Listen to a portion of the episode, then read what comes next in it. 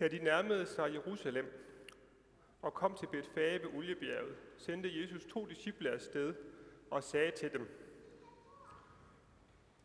Gå ind i landsbyen heroverfor, og I vil straks finde et æsel, som står bundet med sit føl. Løs dem og kom med dem.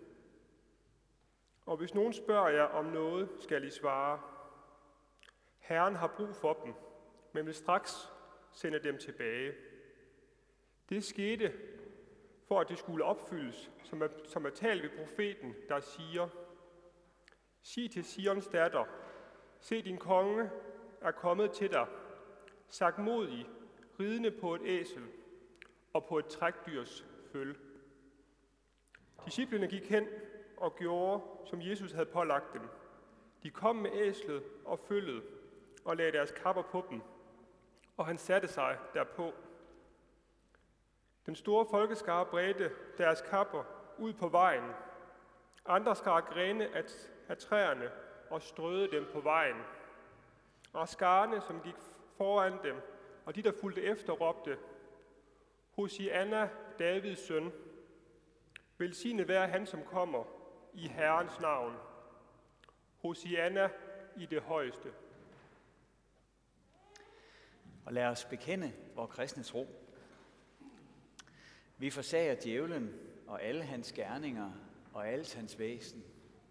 Vi tror på Gud Fader, den almægtige, himlens og jordens skaber.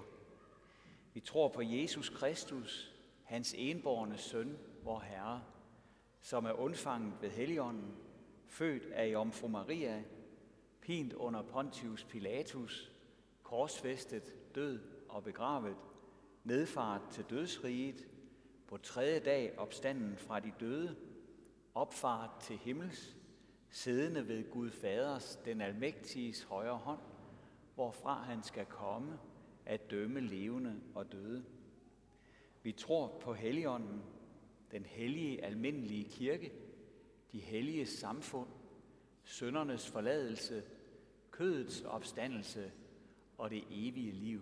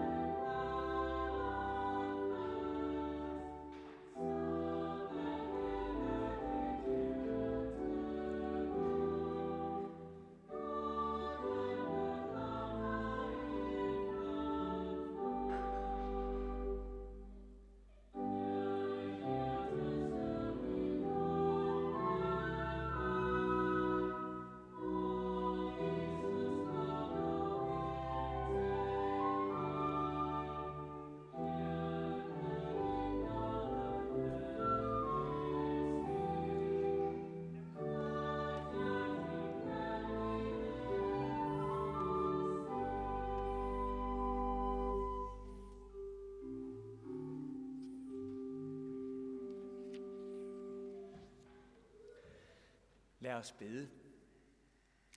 Kære Jesus, tak fordi du trådte ind i en fjendtlig sindet verden for at redde os. Amen.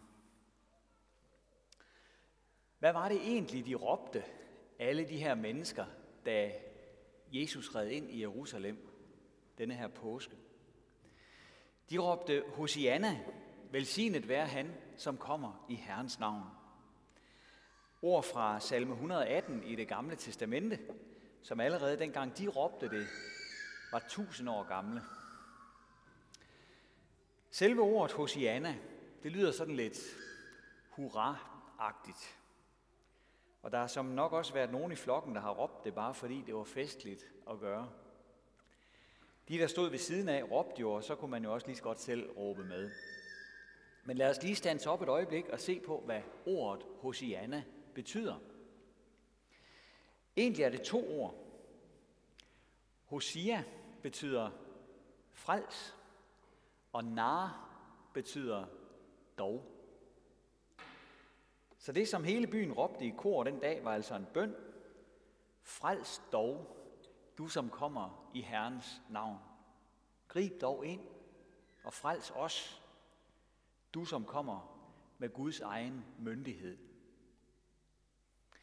Og det er jo ord, der kun giver mening, når de bliver råbt til Messias, til Gud selv, når han indfinder sig her, hvor mennesker lever vores liv. I dag har vi hørt Matthæus resume af indtoget.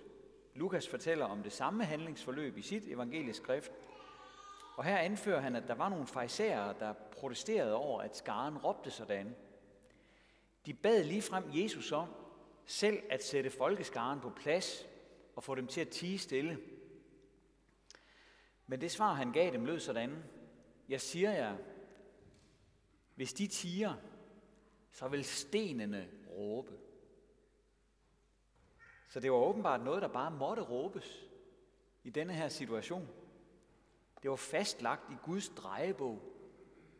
En drejebog, som tingene skulle foregå efter, fordi disse her elgamle ord fra Gamle Testamente den dag skulle proklameres opfyldt. Nu kom han. For Gud gennemfører alt i overensstemmelse med sin vilje. Og hvad var det så, Gud havde bestemt sig for at skulle ske? Hvorfor skulle Jesus til Jerusalem i det hele taget? Han og disciplene havde lige haft det så godt op i det nordlige Israel. De havde lige været på retræte ude i det rekreative område ved Caesarea Philippi. Disciplerne havde bekendt deres tro på ham, og de havde haft vigtige og fortrolige samtaler ven med ven. Hvorfor blev de så ikke bare deroppe og hyggede sig? Ja, svaret lyder jo faktisk i de ord, som folkeskaren råbte palme søndag, mens han red ind i byen. Jesus han skulle frelse. Ved at stille sig til rådighed fuldt og helt, ved at give afkald på det trygge, det ophøjede, det beskyttede, og indtage det syndige menneskes plads. På den måde ville han redde os syndige mennesker. Nu vil han gå ind og lade sig ramme af straffen for den ulykke, menneskene havde rodet sig ud i ved syndefaldet. Det store kosmiske havari, som ville føre en hel verden i fortabelse og ødelægge Guds mennesker for tid og evighed. Det havari, der truede med at opsluge en hel menneskehed for altid. Jesus han ville give alt for at undgå, at menneskeheden skulle fordømmes og gå tabt. Nu ville han personligt gå ind og forsone den ødelagte relation, der var opstået mellem mennesker og Gud. Menneskene havde valgt Gud og det gode fra til fordel for det onde og forkerte. Men Jesus han ville igen løfte menneskene op i værdighed, koste hvad det ville. Og han var den eneste, der kunne. Som den kosmiske nøgleperson, den eneste i universet, der både var Gud og menneske, kunne han nu vælge at tage skylden og skammen på sig. Gennem leve og gennem dø menneskenes store minus på bundlinjen. Og bagefter kunne han opstå påskedag med en opstandelse, der banede vej til Gud for alle, der vil følge ham. Alt det gjorde han på dine vegne og på mine vegne og på hele menneskehedens vegne. Så Jesus på æslet er Gud, der kommer til sine fjender her på jorden. Han kunne med fuld ret være kommet for at straffe, men i stedet kom han for at frelse os. Han kom for at tage imod os. Han kom for at skabe en udvej for os. Så stor var hans kærlighed til en fjendsk verden. Han ville give sit liv for en hel verden, der stadig var ham fjendtligt stemt. Det fik mig til at tænke på en utrolig historie fra den gang, da den kolde krig sluttede, og Østblokken gik i opløsning i det gamle DDR, havde de i mange år haft en statsleder, som hed Erik Honecker. Han var det kommunistiske diktaturs forlængede arm i Østtyskland, og han var kendt for at være fuldstændig følelseskold. I en generation havde Honecker for eksempel sørget for, at kristne blev systematisk diskrimineret. Hvis man som kristen ikke ville aflægge troskabshed til det kommunistiske regime, så kunne man ikke få lov til at tage en videregående uddannelse eller gøre nogen form for karriere. Honecker og hans folk havde fyldt fængslerne med politiske fanger og deres familier. Han var øverste ansvarlig for et helt regimes korruption og vold. Det var også ham, der var ophavsmand til det grænsehegn, der blev sat omkring Østtyskland. Her var der højspændingsledninger, cheferhunde og automatiske geværer, som kostede mange mennesker livet, når de forsøgte at flygte fra diktaturet. Det hegn var Honecker meget begejstret for. Han strålede som en sol, når han fortalte om det. Men da Sovjetunionen og hele jerntæppet kollapsede, blev Honecker syg. Han fik kræft. Og han blev jo også lige pludselig arbejdsløs. Han fik en operation på et sygehus, og da han trådte ud af døren ved sygehuset, så var han og hans kone hjemløse. Den militærbase, hvor de havde boet under, boet under militær beskyttelse, var blevet nedlagt, og de turde ikke at flytte ind i den lejlighed i Berlin, som de havde fået anvist, for han var jo hadet af et helt folk.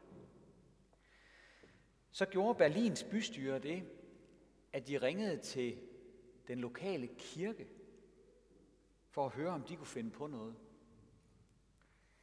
De spurgte en præst i nærheden, som drev et plejehjem. Præsten hed Uwe Holmer, og han drev et kristent plejehjem. Han blev spurgt, om han ville tage imod denne her forhenværende diktator. På YouTube, der kan man se flere videoer, hvor Uwe Holmer fortæller hele denne her historie. Holmer var først meget bange for at gå ind i opgaven.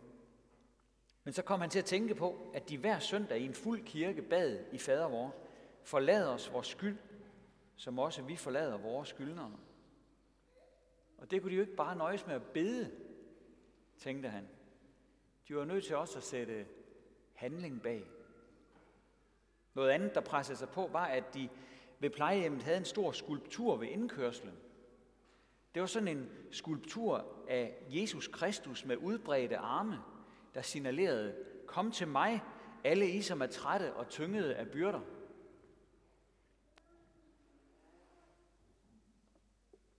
Der var ikke plads på, på plejehjemmet, for der var venteliste til det.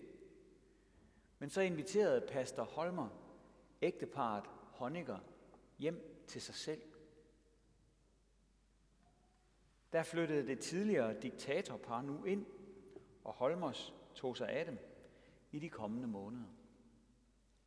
Holmers egne børn var blevet nægtet en uddannelse af Honeckers diktatur, fordi de var kristne.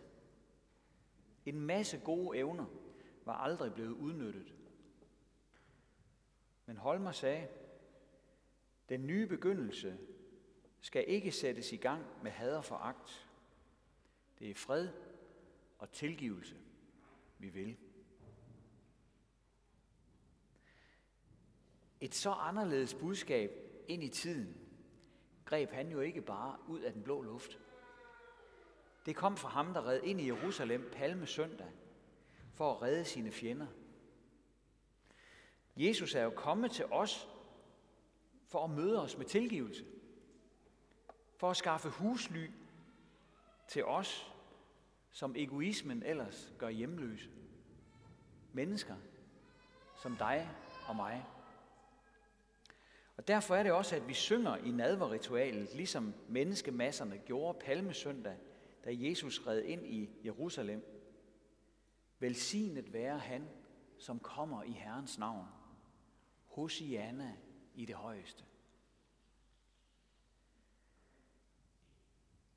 Det med at tilgive sine fjender, det falder os ikke let. Vi kender det vist alle sammen. Hadet kan så let æde sig ind på os. Men medicinen imod det er at tænke på, at vi selv er blevet tilgivet af Gud. Netop på grund af det, som Jesus gjorde i påsken. Og så huske på, ligesom Holmer, at vi faktisk beder, forlad os vores skyld, som også vi forlader vores skyldnere. Så giver Jesus os noget af det sind, som man selv har. Og det har vi brug for. Hold jer ham for øje, står der i Hebræerbrevet, som fandt sig i en sådan modstand fra syndere, for at de ikke skal blive trætte og miste modet. Ham, der ikke holdt sig tilbage i sin herlighed og sikkerhed og tryghed, men som gav afkald for at lide og dø og opstå for os i påsken. Han vil give os af sit eget sind. Lad os bede med ordene fra salme 118 i det gamle testamente. Denne dag har Herren skabt. Lad os juble og glæde os på den. Herre, frels dog. Herre, lad det lykkes. Velsignet være han, som kommer i Herrens navn. Amen. Og lad os rejse os og med apostlen tilønske hinanden, hvor Herres Jesu Kristi nåde, Guds, vor Fars kærlighed og Helligåndens fællesskab være med os alle. Amen.